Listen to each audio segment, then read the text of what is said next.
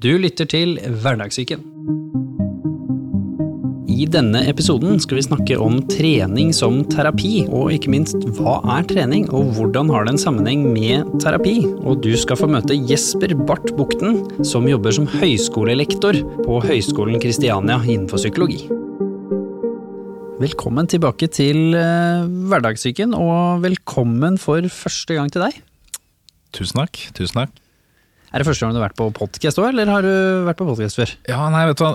Dette her er første gang jeg har vært på podkast, og egentlig noe som helst innspilling sånn sett. Annet enn eh, ja, Det skal sies at jeg har, eh, jeg har streama forelesninger når jeg eh, foreleser da på Høgskolen Kristiania, hvor jeg er høyskolelektor i psykologi. da. Så, så litt streaming har jeg vært borti, men ikke noe, ikke noe som det her, da. Så det, det er gøy. Gøy å kunne være med. Veldig gøy å ha deg her òg. Hvem er du? Du sa høyskolelektor. Hva heter du, og hva er den korte beskrivelsen av hvem du er? Ja, ehm, jeg heter Jesper Bukten. Jeg eh, kommer fra Drøbak. Og har jo da alltid vært eh, idrettsinteressert og psykologiinteressert, så jeg har jo da bachelor og ja, litt andre psykologifag som jeg har tatt i Norge. Men så har jeg tatt da masteren min i idrettspsykologi i England. Så i dag så jobber jeg da som høyskolelektor, som sagt, i psykologi på Høgskolen Kristiania. Og så tar jeg nå også doktorgrad i eh, idrettspsykologi på Universitetet i Agder. Spennende. Ja. Og i dag så skal vi snakke om trening som terapi. Ja. Rett og slett. Han forsto meg Å slippe folk ordentlig inn. Følelser inneholder egentlig flere komponenter. Vi har det jo best når vi klarer å fungere godt sammen med andre mennesker. Dette er Hverdagssyken, podkasten hvor vi sammen med fageksperter og mennesker med levd erfaring tar for oss de tabubelagte temaene og psykisk helse i hverdagen. Så hvis, eh, som vi pleier å si, det er som fagfolka våre, de slipper gjerne ikke unna med å bare liksom si, si hvem det er på den korte versjonen. Så eh, hvorfor ble du interessert i psykologi generelt, og idrett? Liksom, hvis du skal, Hva begynte først her? Så fortell oss litt bakgrunnen til hvordan det kom seg til. Ja, um, ja ikke sant. Um, det, det må jeg si at eh, idrett har jo da Den har jeg fått med spiseskje fra jeg var liten. Uh, så der har jeg spilt fotball. Det har nok eh, vært uh, hovedidretten. Drøbak Frogn. Drøbak Frogn, så DFI da. Um, Så vokste opp der. Spilt for det, spilt der uh, opp gjennom barndommen. Og så var det vel opp til jeg var da sånn 18-19, så hadde jeg da vært innom litt sånn Vang-systemet. Og bytta til slutt klubb fra Drøbak til erkerivalen Nesodden, da. Ja, så det var jo Mista alle ble- vennene dine, da. Ja, da ble det litt opptøyer, men eh, det ordna seg, ordna seg det, altså. Nei, så det, så det var da idrettsinteressen. Og så har liksom litt sånn i ettertid den psykologiinteressen, den har jo da dukket opp øh, øh, ja, eh, fra sikkert sånn 13-14 års alder. Eh, det kommer mye fra familie, fra spesielt eh, mor, som elsker å Vi ønsker å, elsker å ha litt sånn eh, refleksjonssnakk rundt middagsbordet. Så det har vi fått mye da, mens vi har eh, opp, opp gjennom oppveksten. Så, Du slapp liksom ikke unna med hva har skjedd på skolen i dag? Det det, det holdt ikke, så da, da, ble det, da ble det litt dypere prat av og til. Eh, som eh, har vært eh, kjempehyggelig og kjempegivende, og det også har vekket eh, Hun har mye filosofiske spørsmål som vi har måttet reflektere rundt, så på godt og vondt. Husker du liksom en av de som satte seg litt fast? Har du et eksempel? Eh, det er så mange. Eh, det jeg husker, er i hvert fall eh, det som kanskje vekket den psykologiinteressen min. Eh, Det var faktisk en litt sånn der selvhjelpslitteraturbok som hun anbefalte meg, eh, som var eh, 'Munken som solgte sin Ferrari' med Robin Sharma. Mm. Så da var vel jeg 14-15 år gammel, tror jeg, og syntes den, var, den satt skikkelig. da. Og da kunne vi prate litt sånn om eh, dette med materialistiske ting og, og de dypere tingene Mm. over eh, ting som, eh, som eh, skaper lykkelivet til folk. da. Og der, fra med der så fikk jeg vel plukke opp den psykologiinteressen, da. Hvordan var det å være Jeg har fortalt mye om mitt eget liv på andre sida av fjorden her. Jeg vokste Ja. opp på Hurum. Ja. Eh, Hvordan har det vært for deg å være mann med en litt sånn dypere interesse, psykologi. Hvordan var det å vokse opp som kanskje litt annerledes enn de andre, selv om du da var inne i idrettsmiljøet? Det er egentlig et ganske interessant spørsmål, spesielt kanskje fordi at jeg, eh, som jeg nevnte, var veldig mye i idrettsmiljøet. Så jeg hadde jo da mye venner i, i idretten.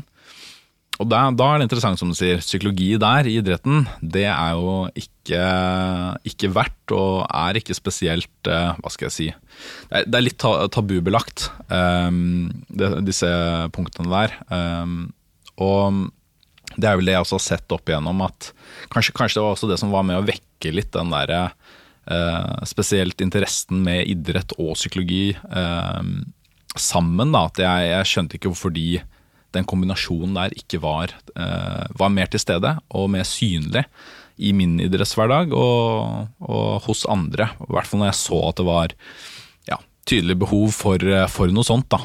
Eh, og det var vel kanskje litt av det som vekka en litt sånn gnist, eh, gnist for det for, for senere, når jeg tenker meg om. Så hvis vi skal liksom se litt på det i starten, da. Trening som terapi. Mm. Hva er eh, på en måte, hva definerer du som trening i, i første omgang, og så skal vi liksom ta det inn i hvorfor eh, man mener overgangen mellom fysisk aktivitet, trening eh, og terapi har en bro her. Ja. Nei, altså, ja, hvis vi bare går på definisjonen først, da, um, som er greit å kartlegge. Um, vi kan si at trening er jo en slags organisert form for fysisk aktivitet. Ehm, og det er jo Det blir jo nå i dag, eh, spesielt i mediene, uh, kobla veldig mye til dette som du sier med terapi. da. At det selges inn rett og slett som en slags medisin, kan du si. Jeg så til og med på, på Sats har nå liksom begynt, og SIO har begynt det, SIO var nok litt tidligere ute, tror jeg, enn Sats, men hvor de nå liksom har sagt invester i din egen, ditt eget velvære. De Mm. brukte sånne ord. Her var det til og med investere i din egen syke, og så så jeg et eller annet fra SIO som sa at eh, invester i hodet ditt inn mot eksamen. Altså Mm. hvor, hvor man som veldig sånn aktivt helsestudiene, som kanskje er det de fleste av oss forbinder med trening sammen med idretten, Mm. plutselig nå fronter det som helt naturlig. Det har ikke alltid vært sånn. Nei, og, og så de punktene nevner er ganske interessant, fordi før så har det jo vært, eh, altså i hvert fall de siste 20-30 årene, har det jo vært mye retta eh, fokus på dette med fysisk helse. Men de punktene du nevner her nå, sånn som velvære og eh, bedre psykisk helse, det er da noe som har kommet mer og blitt mer i vinden da de siste ti, ja, ti åra. Um, så, så det er, en, det er blitt en litt sånn trend, um, og det er også Det er på godt og vondt. Uh, fordi det er jo ofte da at man uh, ja, kanskje glemmer å se litt uh, Man ser fort litt vekk fra selve forskningslitteraturen, og så blir det uh, kanskje litt mye uh, fokus på de positive tingene, og litt mindre fokus på potensielle negative enten bivirkninger eller barrierer og utfordringer da, rundt dette med fysisk aktivitet og, som behandling. Da. Før vi liksom graver oss godt ned i det. Mm. Du sa at det var organisert form for aktivitet. Da kommer det første spørsmålet til mange av de som hører på. Ja. Hva er forskjellen på aktivitet og trening? Ja, ja det, og det er ikke sant. Vi, kan nesten si at fysisk aktivitet er, et- slags eh, paraplybegrep eh, for eh, ja, at man, er, eh, at man er i bevegelse. At man øh, Det kan være å gå til jobben, liksom. Det kan kan være å leke med unga dine i Ja. hagen. Det kan være å gå en tur i skogen med bikkja. Ja, nettopp. Så full pakke. Um, og så har du jo disse formene for fysisk aktivitet. Og det er her eh, trening kommer inn som en av de eh, formene for fysisk aktivitet. Og vi vil jo da si at trening det er jo da organisert fysisk aktivitet, og da har man som regel et mål og hensikt med den treningen. Og her er det jo veldig, veldig interessant da, å se, fordi trening da, f.eks. i idrettssammenheng, det brukes jo da ikke som medisin eller som en behandlingsmetode, men det brukes jo da heller med hensikt for å da prestere eller eh, utvikle ferdigheter, da, f.eks. Eller være sosial, for det har vært kjent lenge. Akkurat. Så veldig godt poeng. Sosialt uh, utrolig viktig også. Og det ser vi også i idretten. Det er som noe av det doktorgraden min blant annet eh, går inn på. Det fokuserer jo veldig grovt sagt mye inn på spillerutvikling.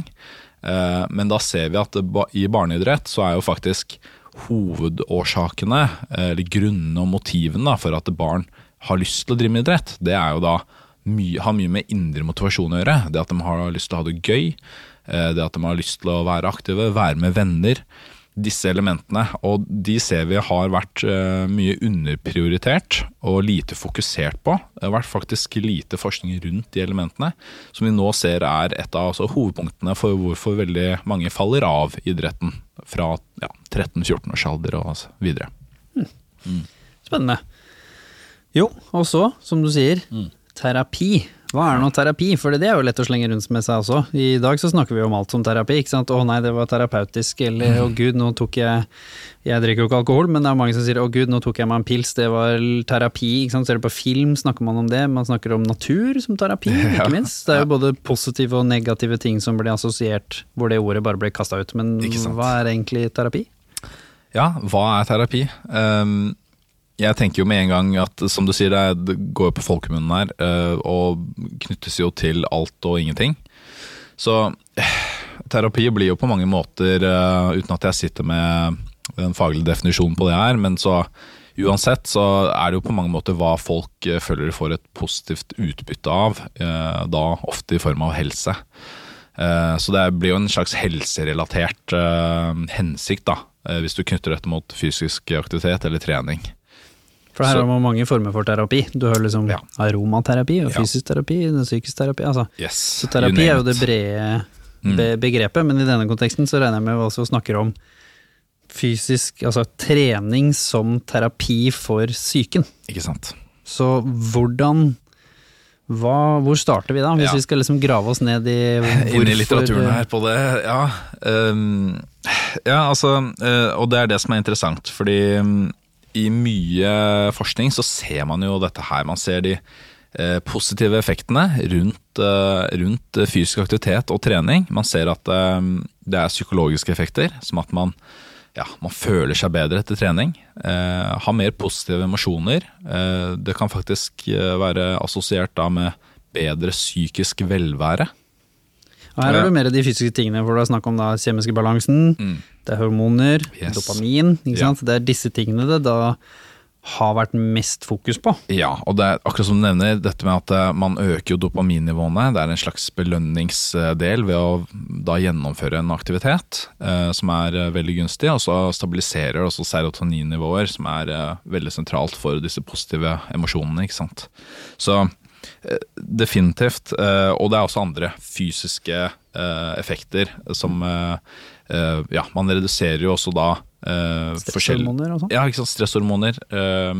så mindre stress. Vi ser at det, også i tillegg så blir jo da alle disse komorbiditetene, altså sykdommer som kommer av inaktivitet, det ser vi at er jo så mangt eh, som det er alt mulig fra diabetes 2 til eh, skjelett- og muskelplager, til eh, nevrologiske sykdommer eh, som Alzheimer og diverse. da. Så, så du har det er, ja, det er et stort spekter av komorbiditeter. Um, og uh, Hva betyr en komorbiditet? Så det kan hende det er noen som lurer på. ja, det er jo da uh, altså de uh, helsekonsekvensene som kommer som en konsekvens av at man er inaktiv. Så når man da er inaktiv, så ser vi at ja, eh, dette øker jo risikoen for disse forskjellige sykdommene. Og det er jo det eh, man kan nesten, eh, bare basert på de negative konsekvensene som man forebygger med fysisk aktivitet, er jo nesten en god nok rasjonell grunn for å da benytte trening og fysisk aktivitet som en slags medisin. Da. Og det er jo de punktene vi ser at ja, det forebygger jo mot utrolig mye, samtidig som at det også eh, skaper mye positive effekter, da, som, som vi nevnte med bedre velvære og økt dopaminnivåer og serotonin. ikke sant? Så har du liksom alltid vært så Du og jeg sier vi kommer begge fra liksom tidligere tenåring- og ungdomstoppidrett. Ikke sant? Hadde mål ambisjoner og drømmer, men også levde en livsstil deretter. Ja. Trente mye. Mm. Eh, På det verste en stund så hadde jeg 15 treninger i uka, altså sånn ordentlig kaos. Mm. Hvor det var liksom to til treninger om to-tre treninger om dagen, og det var normen. Og så hadde man rutiner med hviledager, man hadde planer på kosthold. Ikke sant? Altså, Mm, mm. Man levde på en måte hvor prestasjoner og prestasjonsfremming var hovedkonsekvensen, Ja. eller hovedmålet. Mm.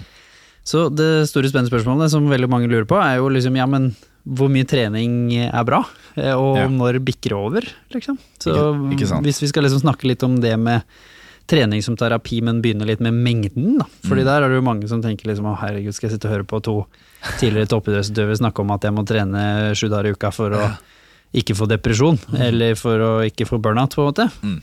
Mm. Men sånn er det jo ikke. Nei, og, det er som du sier, altså masse forskningslitteratur på det her også, på dette med overtrening, burnout, altså at man rett og slett blir utbrent. Og det er ikke bare fysisk, det er ofte at man glemmer det. Man kan også bli, altså få en psykisk utbrenthet. Eh, Det kan være komme av alt stresset gjennom da økt press og forventninger. Og, ja, eh, og det er som du sier, dette prestasjonsfokuset, resultatfokus, og det, det kommer dessverre da kanskje litt for tidlig, og er kanskje litt for dominerende orientering da, eh, mener mange, fra tidlig alder, som gjør at flere og flere slutter. Det er en veldig stor altså Den største deltakelsen er jo da eh, barn mellom 10 til 13 år.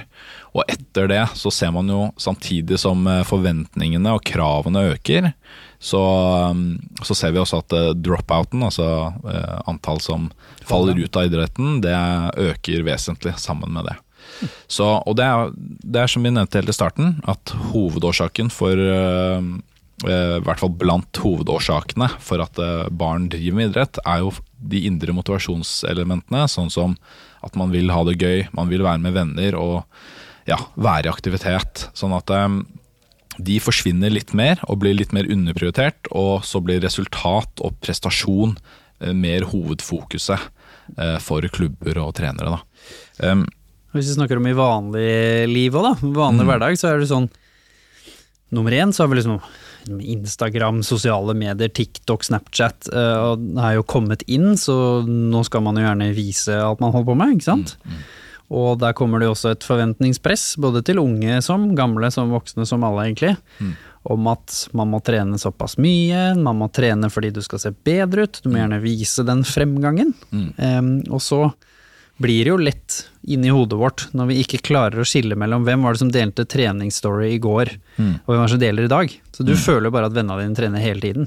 ja. Det er veldig mange som har tatt kontakt eh, som, random som jeg møtte på gata, sånn, og så sier de liksom 'å shit, du er så flink til å trene', du trener jo hver dag, du. Mm. Det er sånn Nei, det gjør jeg ikke. Men det oppleves sikkert sånn, Ja. fordi hodet vårt klarer jo ikke å, å forstå dette her. Nei. Så liksom vanlige folk, da. Mm. Hva, hva er det som liksom i forhold til mengde som egentlig er sunt, og når er det det ikke er terapi?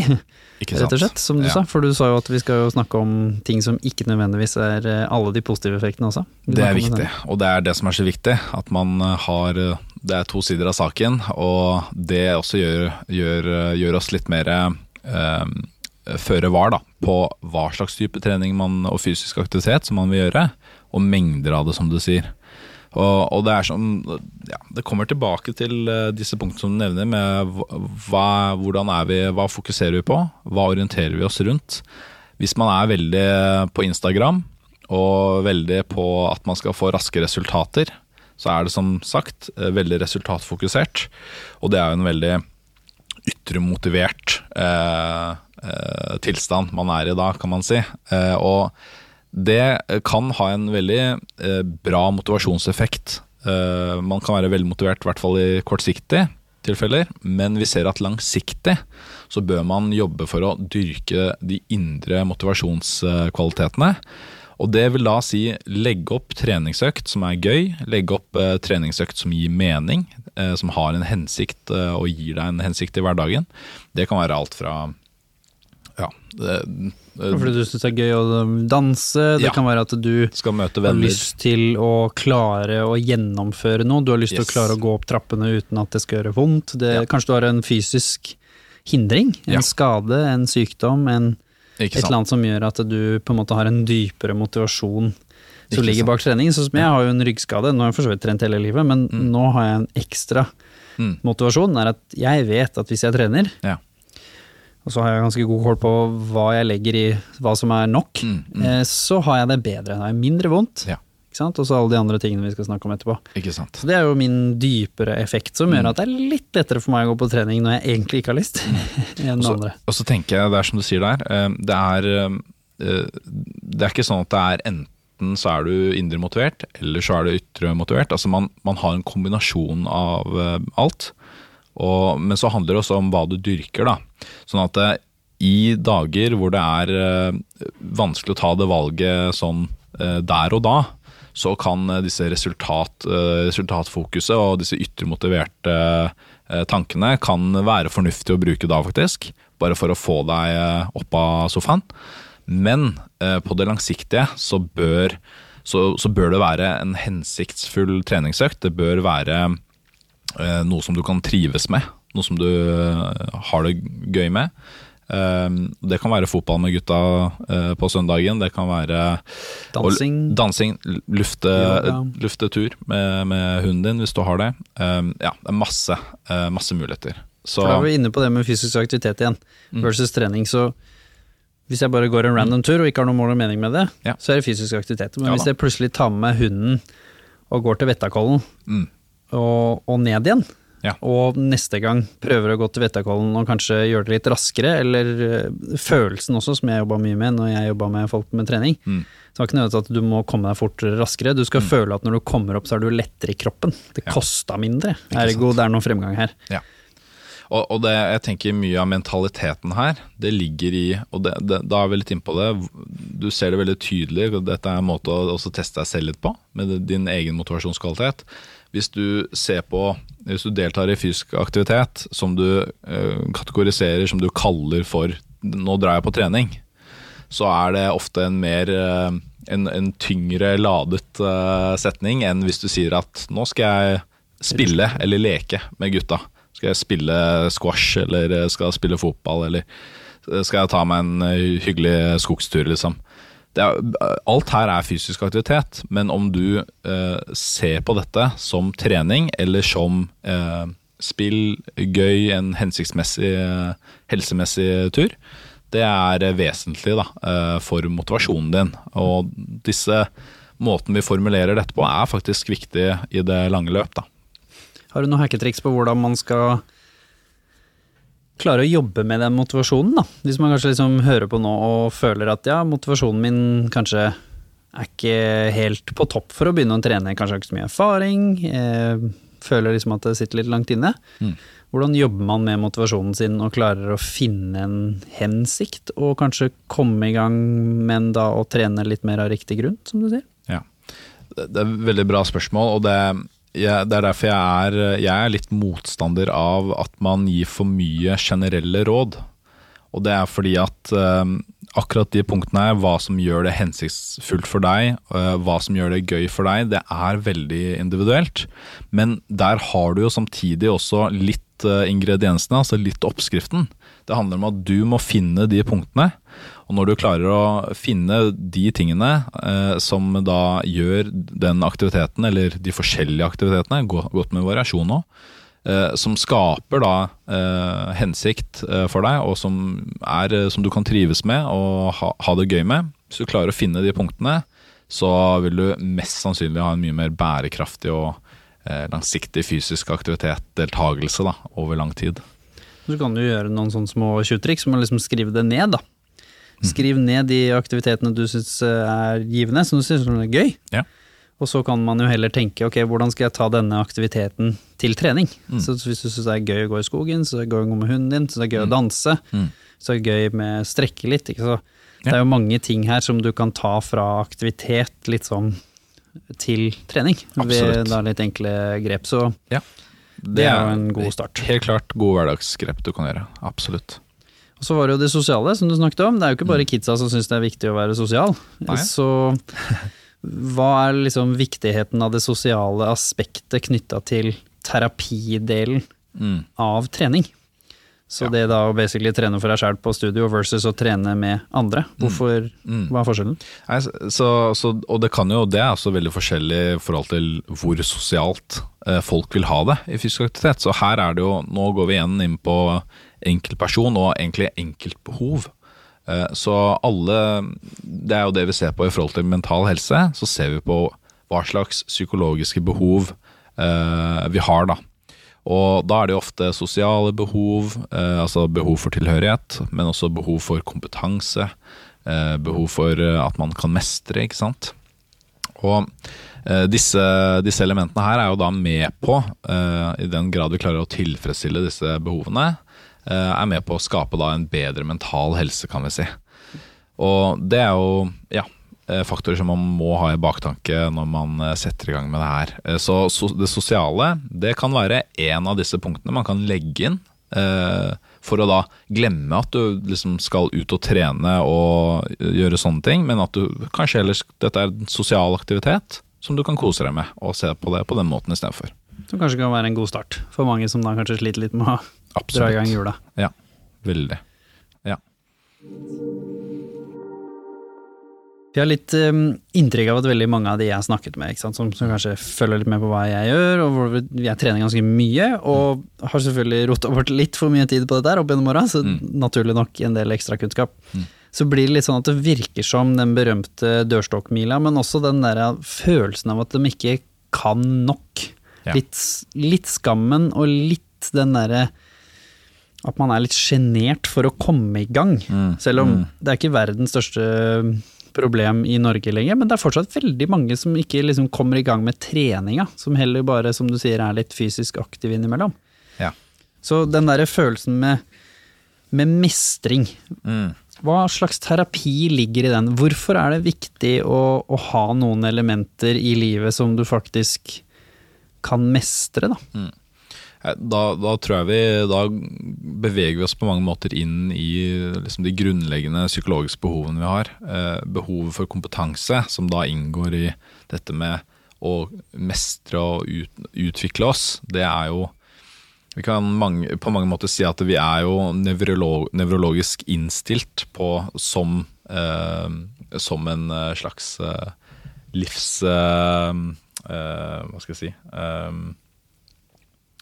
Eh, ja, vi er i hvert fall nevrologisk innstilt da, på at eh, vi hele tiden søker muligheter for å ikke bare overleve, men også øke kompetansen vår og utvikle oss. Og det er jo sånn evolusjonistisk eh, eh, tilnærming eller perspektiv på det, kan du si. Og, så, det, det, og det ser vi jo, det ligger jo nevrologisk til grunns også, at ved, i hjernen vår eh, så ser vi at det, det er eh, dette som aktiverer eh, dopamin og belønningssystemene i hjernen. Så når vi da driver med aktiviteter, når vi gjør ting som skaper mestring, så eh, øker dette da eh, eh, belønningssentrene i hjernen, altså dopaminnivåene, og som vi nevnte tidligere, altså mer stabile serotoninnivåer også, som skaper mer positive emosjoner. Og ikke minst andre fysiologiske eh, konsekvenser, som at man øker testosteron f.eks., når man klarer å heve seg eh, mer med mestring. da. Det her syns jeg er litt spennende på psykologisk perspektiv, fordi det heter jo følelsen av mestring. Ergo det er subjektivt. Så jeg vet jo med veldig mange som kåler seg litt bort ved å sammenligne seg med andre, og kåler seg litt bort med å legge lista fryktelig høyt når de starter, men også når de er i gang med trening. Både fordi mangel nødvendigvis på kunnskap, og at man står og sammenligner seg med en som kanskje, som meg, da, som har trent hele livet, som står ved siden av deg, og så står du der og bare Så føler du ikke mestring Nei. i det.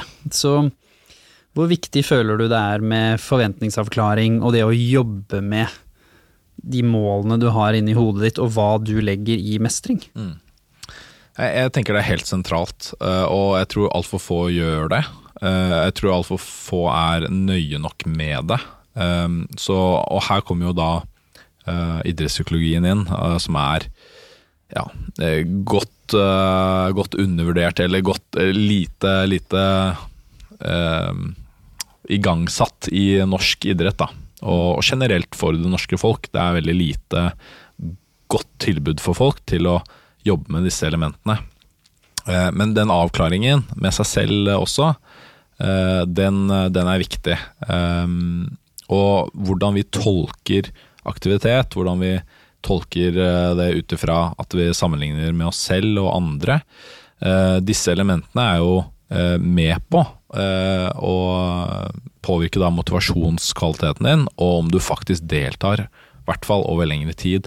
Så ja, dette er, det er helt sentralt. Og dette med sammenligne, eh, sammenligne med andre, det er igjen litt resultatfokusert. Vi er, eh, men, og det, det på en måte kommer deg ikke unna, men eh, her er det et veldig godt tips på det, i hvert fall å sammenligne seg i mye mindre grad med andre, og i mye større grad med seg selv. For der har du Ja, det, du vil finne det mye mer motiverende eh, å hele tiden kunne sammenligne med ditt eget utgangspunkt. For hvis du sammenligner deg med andre, så vil du alltid eh, kunne finne noen som eh, er bedre enn deg i eh, hva som helst. Og du kan risikere å ikke få de positive psykologiske Fordelen. effektene av Mm, trening. Absolutt. Ikke sant? Godt poeng. For det er jo det som er litt viktig å ta med her, at jeg kjenner veldig mange som trener som, som rett og slett fordi de har litt sånn feiljusteringer knytta til sin egen forventning, så føler de ikke mestring. Mm. De går heller og slår seg sjøl i huet da, og sier liksom ja, jeg trente, men jeg ble ikke svett nok. Ja, Nei, jeg trente, men jeg trente bare en halvtime. Det er, liksom, Mm. det er alltid et eller annet som gjør at det var ikke mestring. Ja. Du kaller det litt på fagspråket self-handicapping. Um, det vil rett og slett si at man, eh, på norsk eh, litt dårlig oversatt, eh, kan man grovt kalle det for selvsabotasje. Det at man rett og slett tar vekk sin egen mestring ved at man ja, attribuerer, altså årsaksforklarer, til andre ting. da. Så når man faktisk har gjort en god jobb og kommet seg på trening, eh, og gjort eh, aktiviteten sin, så er det jo eh, typisk da med hvis man har en usunn eller en eh, maladaptiv eh, årsaksforklaring, så, så ser man at eh, det har negative konsekvenser for motivasjonen din, og også emosjoner eh, over lang tid. Akkurat det, og det er kanskje ekstra tungt også for nå som vi har vært i covid, det er mange som har trent mye ja. før. Vært nede for telling, eh, og så skal man begynne igjen. Det er tungt, selv for meg, hvor du liksom da blir sånn bare Å gud, jeg er langt unna der hvor jeg var. Mm. Mm. Ikke sant? Og så blir man litt sånn at jeg også ikke føler mestring, jeg også sa sånne ting. Det var bare en halvtime, folk bare eh, sa til meg oi, har du trent tre dager på rad nå, liksom? Det er jo kjempebra, nå begynner du å nærme deg der hvor du var. Og så inni hodet mitt Mm. så er jo jeg vant til fem til sju dager i uka timesøkter, og så blir det liksom ja ja, og så snakker man seg selv ned. Og så merka jeg sjøl også at jeg mista litt den positive psykologiske effekten Mm. ved treningen, som jeg ofte syntes var veldig moro. Mm. Så når jeg også klarte å snu det litt mer, og fant de der små tingene, og begynte å huske hvordan jeg gjorde det forrige gang, da. Så Ja. var det litt sånn, ok, jeg husker hvilken vekt jeg lå på forrige gang. Mhm.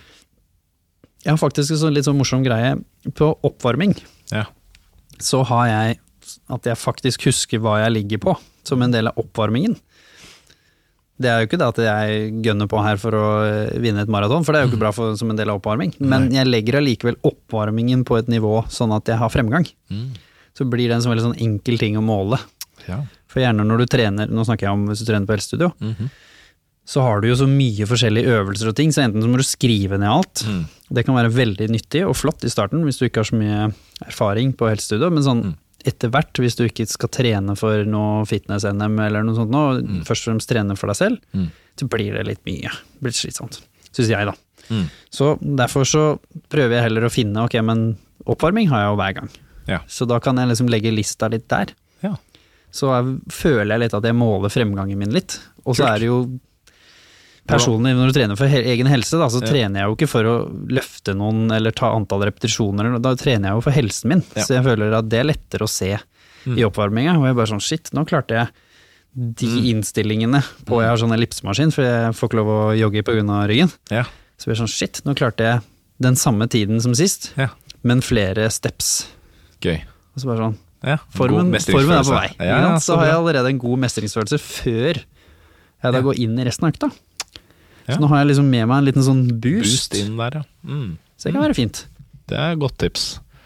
Eh, og, og, det som du nevner der, eh, jeg tenker det man, Hvis man skal jobbe med dette her, da, jobbe med å finne da eh, metoder for å da holde seg ha så god motivasjonskvalitet som mulig, og bærekraftig motivasjon, så er det jo disse tingene her man bør jobbe med. Finne, prøve ut litt forskjellige metoder. Du nevner noen gode tips her, og det funker for deg. Og eh, det kanskje ikke funker for alle andre, men, men det er absolutt verdt altså Det er litt sånn elimineringsmetoden. Man er nødt til å gå ut og prøve. Og det tenker jeg også er eh, litt sånn eh, kanskje ja, litt misforstått med dette med mentale teknikker og mental trening generelt.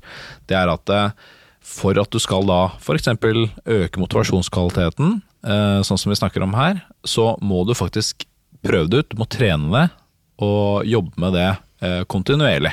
Det er ikke, Selv om du har funnet ut av et par metoder, så må jo no, altså du må jo fremdeles vedlikeholde dette. Så du kan sammenligne litt med mental trening med fysisk trening, i den grad at eh, du må gjøre det, og du må eh, finne oppskriften på hva som funker for deg, og så må du eh, vedlikeholde det. For det tar litt tid. Ja. Mm. Det er så litt fint og viktig å si, ikke sant? når man gjerne kjører i gang. Kjører i gang for hardt, Mm. blir støl. Det er jo mange feller å rote seg i her, som, Ja. på, som påvirker da all den terapieffekten. Blir Mm. du kjempestøl, så liksom vil du slite med å kunne få god mestring neste gang. Det gjør vondt i tillegg. Mm. Så det er mye som kåler seg til her. Og det å stole litt på de forskjellige prosessene som er i kroppen. Mm. At når du begynner med en endring av vane, det er jo det der, og ekstra tungt for kroppen når du skal sette i gang noe du ikke er vant med. Mm. Det å trappe det opp Mm. er fryktelig viktig, men også da ha en tanke om hvor lenge du skal prøve før du bestemmer deg om dette var noe for deg eller ikke. For jeg føler det er mange som liksom Det er typiske da, ikke sant, på nyåret, hvor alle har nyttårsforsett, og så går det gjerne to-tre uker, og så blir det sånn nei, trening var ikke noe for meg, jeg ble jo mer sliten enn eh, jeg fikk i positiv effekt, jeg dropper det. Mm. Og så går jeg over til det aktivitetsgreiene jeg holdt på med før. Ja. Hva er du tenker er liksom viktig her, i form av å finne en måte å sørge for at man får testa ut litt, da, som du sier, hva som funker for deg. Mm. Og kan holde kurs, ikke minst. Um, det er, det er som sagt å jobbe med disse med motivasjonskvaliteten sin. Uh, uh, rett og slett tips sånn som du nevner, er jo å skrive ned. da. Faktisk gå metodisk til verks. Prøve ut forskjellige ting. Skrive ned hva funker, hva funker ikke. Og, um, og sånn kan man anvende det ut i hverdagen, da. Og bruke det ut i hverdagen.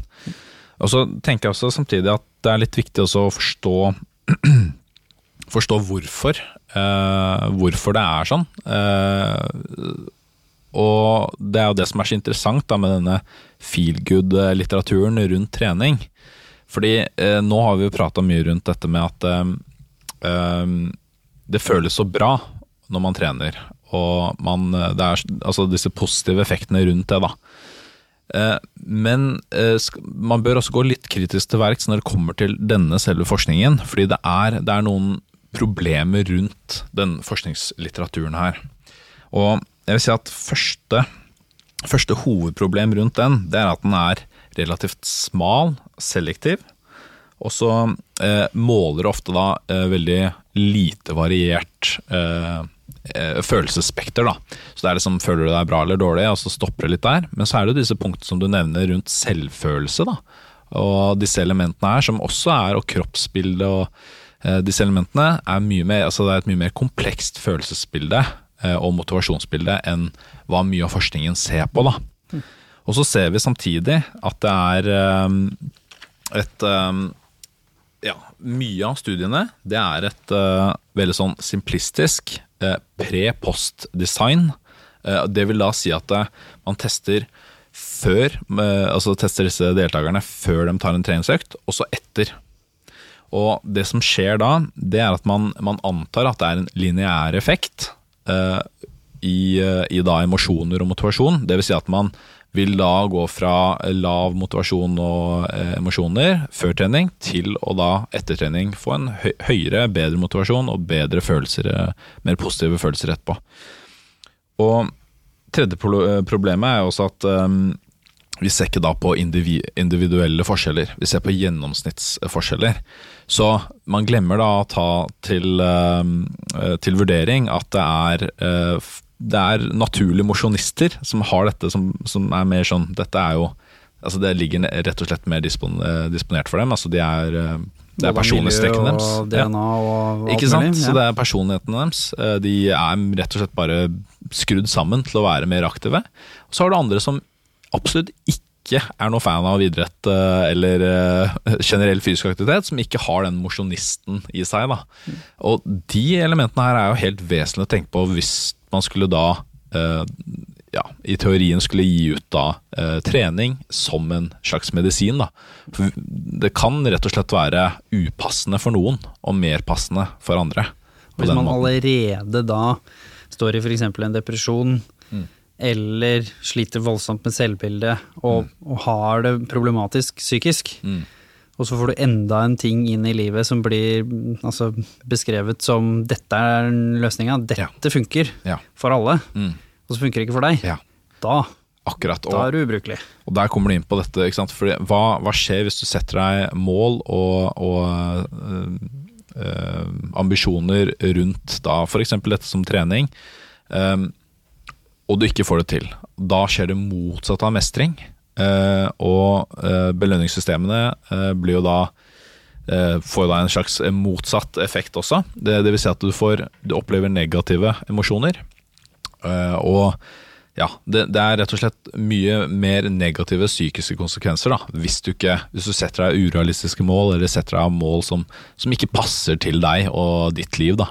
Og det er jo, da kommer vi litt tilbake til det jeg snakka igjen om generelle tips. Derfor er, derfor er jeg veldig sånn eh, føre var da, på å gi for mye generelle råd, fordi det er godt uh, Man kan gjerne snakke om egne erfaringer, om hva som funker for en, og mye må man finne ut av sjæl.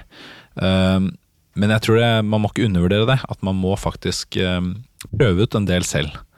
Um, For det er jo noe som skjer psykologisk i det at man prøver ut selv også. Det er jo trygghet. ja.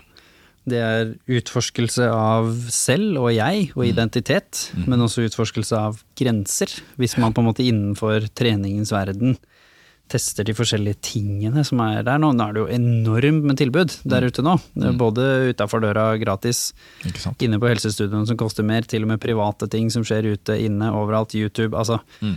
alternativene er veldig mange, som også hjelper. Mm. Både på motivasjon, men også psyken i form av at du blir bedre kjent med hvem Mm. du er. Så Mm. du, det du snakket om i stad, at det er jo noe evolusjonerende i oss som ønsker at vi skal utvikle oss som menneske. Mhm. Den prosessen er en viktig del av det å utvikle deg som menneske. Ja, og, og, og det er akkurat det. Og det, det, som sagt, det ligger jo nevrologisk i oss. Eh, vi er, det er sånn er vi skrudd sammen. Men samtidig er vi også skrudd sammen sånn at når vi da møter på eh, mye motgang, og at man ikke klarer disse tingene, så har det også da negative ikke bare fysiske, men også psykiske konsekvenser. Så Da reduseres jo da disse dopaminnivåer og altså redusert testosteronnivå og diverse ting. da. Så men jeg vil også påpeke på, på dette med at man tar denne altså den type forskning hvor man ser på da før- og ettertesting av emosjoner. da, Hvor man ser at det er en, man føler seg veldig bra etter om man har gjennomført en økt. Jeg vil påpeke at nyere forskning eh, de siste årene har jo da begynt å se sakte, men sikkert eh, inn på også målinger underveis eh, i trening. Og der har det kommet litt, litt motstridende funn da, i forhold til hva denne feel good-litteraturen eh, påstår at trening er. Og det man ser, det er at for, for de aller fleste så oppleves trening ganske fælt. Det er ganske vondt, faktisk. Det er beinhardt for de fleste. Ja. det, og man ser jo nærmere mot, uh, mot syrenivået man kommer i en treningsøkt, jo verre føler man seg. Så eh, plutselig så sitter man jo da eh, med, med et litt annet perspektiv, fordi da kan man jo diskutere Ok, hvorfor føler man seg så bra etter trening da? Jo, det kan jo Fordi rett det er og ferdig. Akkurat. Det kan rett og slett være en release, altså. Eh, Du, du, det er digg å være ferdig. Samtidig som at det er sikkert også noen komponenter rundt eh, dette med mestring og disse elementene. Men, men bare det å eh, være ferdig med, med smerten eh, underveis i økten, det er veldig deilig, det òg. Og så er det jo liksom visse aspekter her, som, som du sa. Vi har de tingene vi vet som gjelder for oss alle, at ved å øke en eller annen form for aktivitet, så fremmer man en form for altså en kjemisk balanse som gjør det lettere f.eks. For, for en som står i en depresjon, som sliter med angst. ADHD-hjerne som min, ikke sant? hvor det å være i fysisk aktivitet eh, roer ned kaoset en smule. Overtenking. Selvbildet kan man selvfølgelig jobbe med i forbindelse med trening. Hvis man har eh, konkrete mål, så kan man jo være med å justere og endre skader. Ikke sant? Du kan få et mer behagelig liv ved å gjøre trening. Så disse tingene vil jo gjelde for alle, men så har du liksom over der, så er det jo da det spekteret som du snakker om. Mm. Men hvis vi skal ta den liksom andre veien nå, og det er at det kan, det kan gå litt langt. Fordi jeg har jo også merket at det, når man er på, på studio en del, så begynner man jo å kjenne igjen folk. Sant? ja. Eh, Det er noen eh, travere på en måte som er der mye. Og så begynner man å snakke litt med disse folkene etter hvert, og så merker man jo litt med seg selv, er at når man går fra å kanskje ikke ha trent så mye, til å trene ganske mye, føle at man kanskje mestrer veldig godt, kroppen begynner å endre seg, man føler kanskje at man ser bedre ut, man får gjerne komplimenter, uansett om du subjektivt ser bra ut i forhold til verdens eh, kjekkeste kar eller verdens flotteste kvinne, det er jo ikke det som er relevant, for du får ofte kommentarer når du endrer på noe mot det som er samfunnsnormen. Hvis du f.eks. er litt større og blir tynnere, eller du kanskje har slitt med å være veldig tynn, og begynner å føle at du lagt litt nå, så får du komplimenter uansett, også på veien. Absolutt. Og det jeg har lagt litt merke til, er at man blir avhengig av dette her, Mm. ikke sant? Som alt annet i livet. Mm. Så når du da begynner å bli avhengig av følelsen av fremgang, Mm. og du holder på med trening, Mm. da har du et problem. For da har du samme problemet som du har med rusen, og det er at i starten så sier man jo at det er en fantastisk høy effekt. Det er jo voldsom fremgang. Mm. Og så jo mer du trener Mm. over tid, jo mindre blir naturlig nok denne fremgangen. For du har jo ikke fremgang inn i evigheten. Så på et eller annet tidspunkt så flater den kurven ut. Mm. Og da kan du også stå litt fast i det her, at du har blitt såpass selvopptatt og såpass inn i at jeg må se bra ut, og det er jeg og min trening på en måte som, som er det viktige, at du kan rett og slett være avhengig. Ja. Hva er det du ser innafor det Ja, spekteret der? ja, Det kan bli for mye, rett og slett. Eh, eh, altså, Du er veldig godt inne på det òg, at eh, liksom, hvordan ting kan komplisere seg utover. Da. Eh, og det, det, igjen, dette bunner jo altså, Det bunner jo veldig mye i de dypeste røttene her i forhold til verdiene dine og motivasjonsorienteringen din. Og dette henger jo mye sammen, og det handler mye om hvis du er flink på å rydde opp i, den, i din egen skuff, at du har en sunn og bærekraftig motivasjonsorientering og eh, målsettinger, som da eh, er da planene og strategiene dine for å da eh, ha en så god motivasjonskvalitet som mulig, så er dette veldig gode metoder for at eh, du skal vedlikeholde den eh, eh, ja, treningsdeltagelsen din i over lengre tid. Og det da selv i møte med altså En ting er ytre faktorer, men en annen ting er altså dine indre demoner, om du vil. da. Så, så eh, det altså resultatfokuset, dette fokuset med, med på kroppsbildet og komplimenter fra andre, at det, alt dette her er jo mye ytre belønninger, ytre motivasjon, som vi snakker om. Og når det tar veldig mye av fokuset, når det er det som blir vektlagt mest, da ser vi at uh, igjen, det er det som eh, er Det kan være positivt i, i kortsiktig perspektiv, men langsiktig ser vi at hvis du er flinkere på å dyrke heller de andre indre motivasjonsfaktorene, sånn som at du det, at du trives med trening, eh, at du finner en hensikt med det, og kanskje kan gjøre noe sosialt ut av det. Kanskje du kan gjøre noe praktisk ut av det. Disse elementene her, da, det er med på å heller dyrke de indre motivasjonselementene, som skaper en bedre motivasjonskvalitet, som gjør at du kan drive lengre med, med, med trening. Og ja, eh, jeg kan også si det at én ting er at når du jobber med disse eh, med motivasjonskvaliteten din på den måten, eh, Eh, så er jo en ting at du, du, styrker din egen indre motivasjon, men samtidig så forebygger du jo da også mot når du da, som du sier, eh, møter på disse utfordringene, hva enn det er utover, eh, utover livsløpet, så ser du at det, ja, du har en sterkere mentalitet, rett og slett, fordi dette er noe du mentalt trener på. Og så er det jo selvfølgelig hvis man da allerede har det psykisk utfordrende, da. Mm.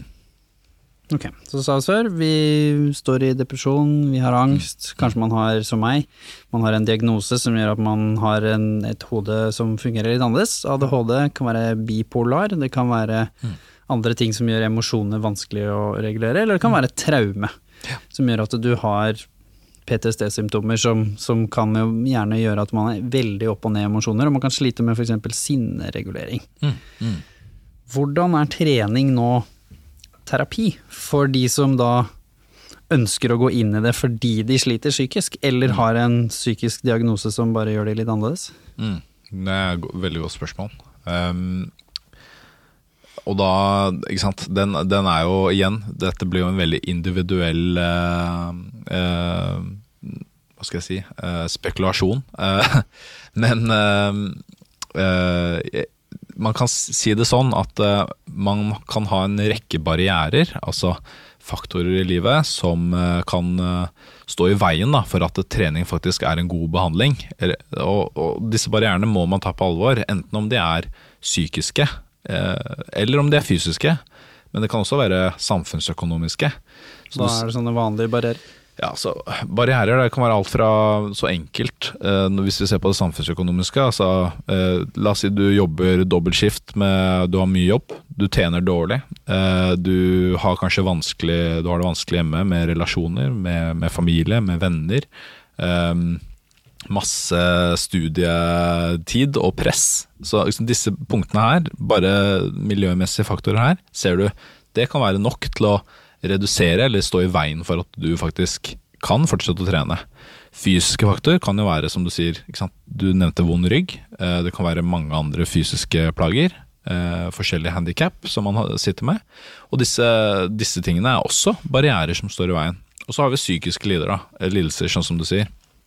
Og her også kan det, det kan også fungere som eh, barrierer.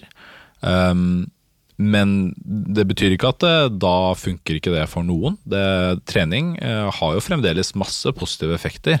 Eh, sånn at eh, hvis, hvis man klarer å finne noe som er tilpasset til individet og individets behov, eh, uavhengig da av eh, disse psykiske, fysiske og eh, samfunnsøkonomiske barrierene, så ser man at eh, eh, fysisk aktivitet har jo da de positive effektene. Men man må tilpasse for de individuelle behovene.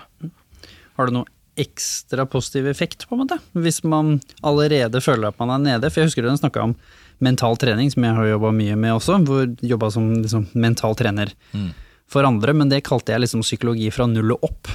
Sant? Da jobber vi jo mentalt for at man skal håndtere ekstra press. Ikke for at de skal klare å leve normalt i livet sitt.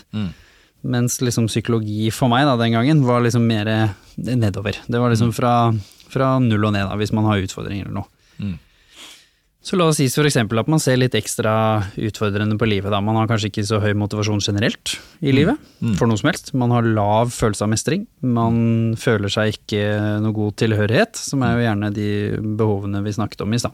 Hvor vi vet at eh, fysisk eh, aktivitet, og trening spesielt, har positive effekter. Ikke sant? Men er effekten ekstra viktig og eller ekstra stor hvis man allerede starter på minus, på en måte?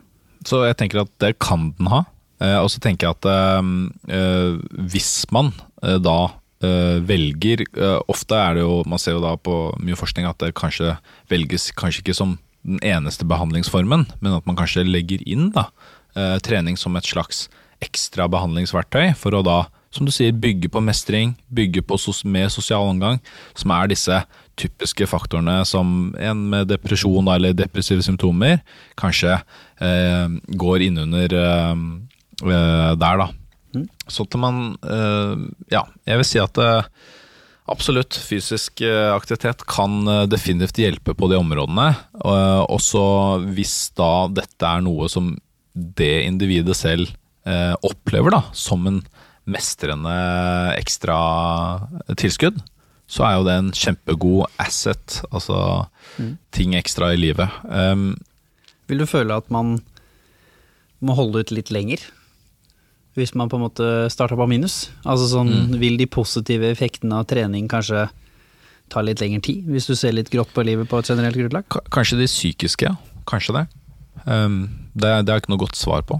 Uh, Så det kan være lurt på en måte å kanskje Selv om det er jo ingenting det er et svart-hvitt svar på, men det kan kanskje hende at det kan være lurt å legge opp en plan som, som er litt sånn tidssatt. Som at du sier nå skal jeg prøve dette i tre måneder. mm, Fordi jeg mener jo at livet mitt er så utfordrende likevel, så jeg har jo ikke noe å tape på en måte. Så Ja. jeg skal prøve dette i tre måneder, Mm. minst, før jeg skal ta en evaluering. Fordi gjerne Ja. når man står i noe veldig komplekst, så føler man jo, Mm. hvis mestringsfølelsen din er lav, ikke sant. og du går inn på et dansesenter for første gang, eller et yogastudio, eller en helsestudio, Ja. eller en fotballkamp for den saks skyld, Mm. så er jo sannsynligheten til stede for at du ikke føler mestring med den første. Ikke sant. Og eh, for, selv for også, ikke bare klinisk populasjon, men også normal populasjon sånn sett, så, så er det jo Effektene kan jo ta litt tid. Altså, det er ikke sikkert man kjenner skikkelig på mestring før eh, litt utover i løpet, da. Altså, det, det kan ta tid. Um, så tenker jeg samtidig at man skal eh, Når man jobber da med klinisk kliniske populasjon, da, eh, enten om det er fysisk skade eller psykiske lidelser, eh, hva enn det skulle være, så må man da også være Da, da er det viktig at man gjør dette med omhu. Altså at man eh, Hvis du da skal ha trening som eh, en type behandlingsform, eller bruke det som en slags terapi for deg selv, da, så er det ekstra viktig da å, å ta hensyn til disse eh, Til disse eh, vanskelighetene som man selv sitter med. Eh, fordi, fordi ja, la oss si dette med, en, en, med depressive symptomer f.eks. Ja, de positive effektene rundt trening er veldig, det samsvarer veldig bra. Men som du husker, så hvis man setter dårlig mål Altså Du ikke Stykkefølgemestring, hvis det Ja. er for vanskelig hvis, mål. hvis det blir for vanskelig mål, det, det blir for uh, rett og slett litt dårlig oppfølging da, på, de, på de mentale verktøyene som man må huske å ha med, og motivasjonskvaliteten inn i treningen, uh, så kan man fort falle da på motsatt side igjen. Og da er jo det plutselig en eh, ekstra negativ effekt, kan man si. da. Eh, så der skal man være litt forsiktig, men med, med riktig team rundt seg og, og, og være litt nøye på disse tingene, så tror jeg absolutt at, eh, at det kan være en, et ekstra bra tilskudd. Og så tenker jeg også til dere som hører på nå, som kanskje står i dette her. Prøv å ikke overkomplisere ting. Altså, start veldig enkelt. Når jeg sier at jeg har trent hele livet fra jeg var liten, og på et eller annet tidspunkt var langt inne på toppidrettsnivå i godt over ti år, men selv når jeg starta på nytt nå, etter covid, og da hadde vært ordentlig nede med trening i liksom et par år, og det var mest fysisk aktivitet, hvis vi skal kalle det, det var veldig lite organisert form for trening, så måtte jeg også starte litt på nytt. Hvor jeg da begynte med å f.eks. gå til og fra jobb. Men da gjorde jeg det med en intensjon. Det skulle både rense hodet mitt fra alle frustrasjoner og ting man tenker på på jobb. Og så tenker du ja, ja, men jeg bor jo på T-banen, jeg kan ikke gå til fra jobb. Jo, men da går du av et stopp før. Samme med bussen. Det finnes ikke unnskyldninger på sånne ting. Det er mulig å få til å legge inn et kvarter til 20 minutter gange før du er hjemme hvis du vil, så sånn at du ikke bor på månen. Så da kan man gjøre det som en god start, for da får du i gang kroppen, og vender du kroppen din til et litt høyere energiforbruk. Da kan det hende at eh, appetitten din justeres eh, deretter. Eh, De kjemiske nivåene i hodet begynner kanskje å lette bitte lite grann.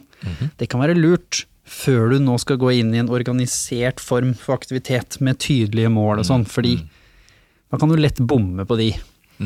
Og sjekk med noen andre. Du trenger ikke en fullutdanna psykolog eller en full PT for å kunne lodde litt. Og si du, jeg tenker at jeg skal prøve på de treningsformene her. Jeg tenkte jeg skulle legge av meg på to ganger i uka i starten. Hva tenker du? Og så spør du bare en rundt deg som kanskje har litt mer erfaring, da. Og så kan man lodde stemninga bitte lite grann, og så trapper du det opp. Veldig rolig, men som man snakket om hele tiden også, for meg så har det alltid vært Prøv å være litt til stede i kroppen, for det er gjerne det som for meg er en av de mest positive effektene ved trening som terapi. Det er at stort sett resten av dagen, spesielt når jeg har noe vanskelig, så blir mye av livet mitt oppi huet. ADHD fra før, så det er mye rart som skjer der. Så da er det jo både at man lever litt i fortida, hvor du henger deg opp i ting som frustrerer deg eller irriterer deg, eller ting du er eh, frustrert for. Eller fremtiden, som er jo da gjerne knytta til ting du er bekymra for eller er redd ikke skal skje. ikke sant? Mens på trening, ofte, hvis du klarer å konsentrere deg om det du skal gjøre, og gjerne hvis du pusher grensa bitte lite grann, så blir det gjerne såpass utfordrende at huet ditt har ikke tid til å liksom kåle noe fortid eller fremtid, så da må man nesten konsentrere seg om der hvor du er.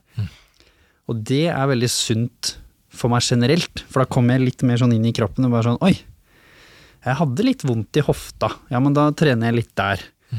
Ja, men det bare var litt til stede, da går stresset litt ned. Og så plutselig så hadde jeg i hvert fall én time da, hvor jeg ikke tenkte på hva noen utfordringer som sto i livet mitt. De hadde ikke endra seg når jeg var ferdig på trening. Men jeg tenkte i hvert fall ikke på dem i én time, så da får du én time i pause. Det var jo med å redde livet mitt når jeg var ung. Når inni hodet mitt alt var møkk, så hadde jeg i hvert fall pause på trening, hvor jeg var til stede. Og kun ble målt på hva jeg gjorde der og da. Og hvis du legger lista selv på hva som er bra eller dårlig der, så er du egentlig relativt safe for å få stort sett mestring hele veien. Og jeg måtte justere, nå da når jeg satte i gang, mine egne mål, da. Da bare prøvde jeg å glemme alt jeg huska hvor jeg lå før, og så tenkte jeg ok, jeg begynner her. Finner jeg ut hvor jeg ligger i første runde, og så prøver jeg liksom å ha en sånn bitte liten fremgang.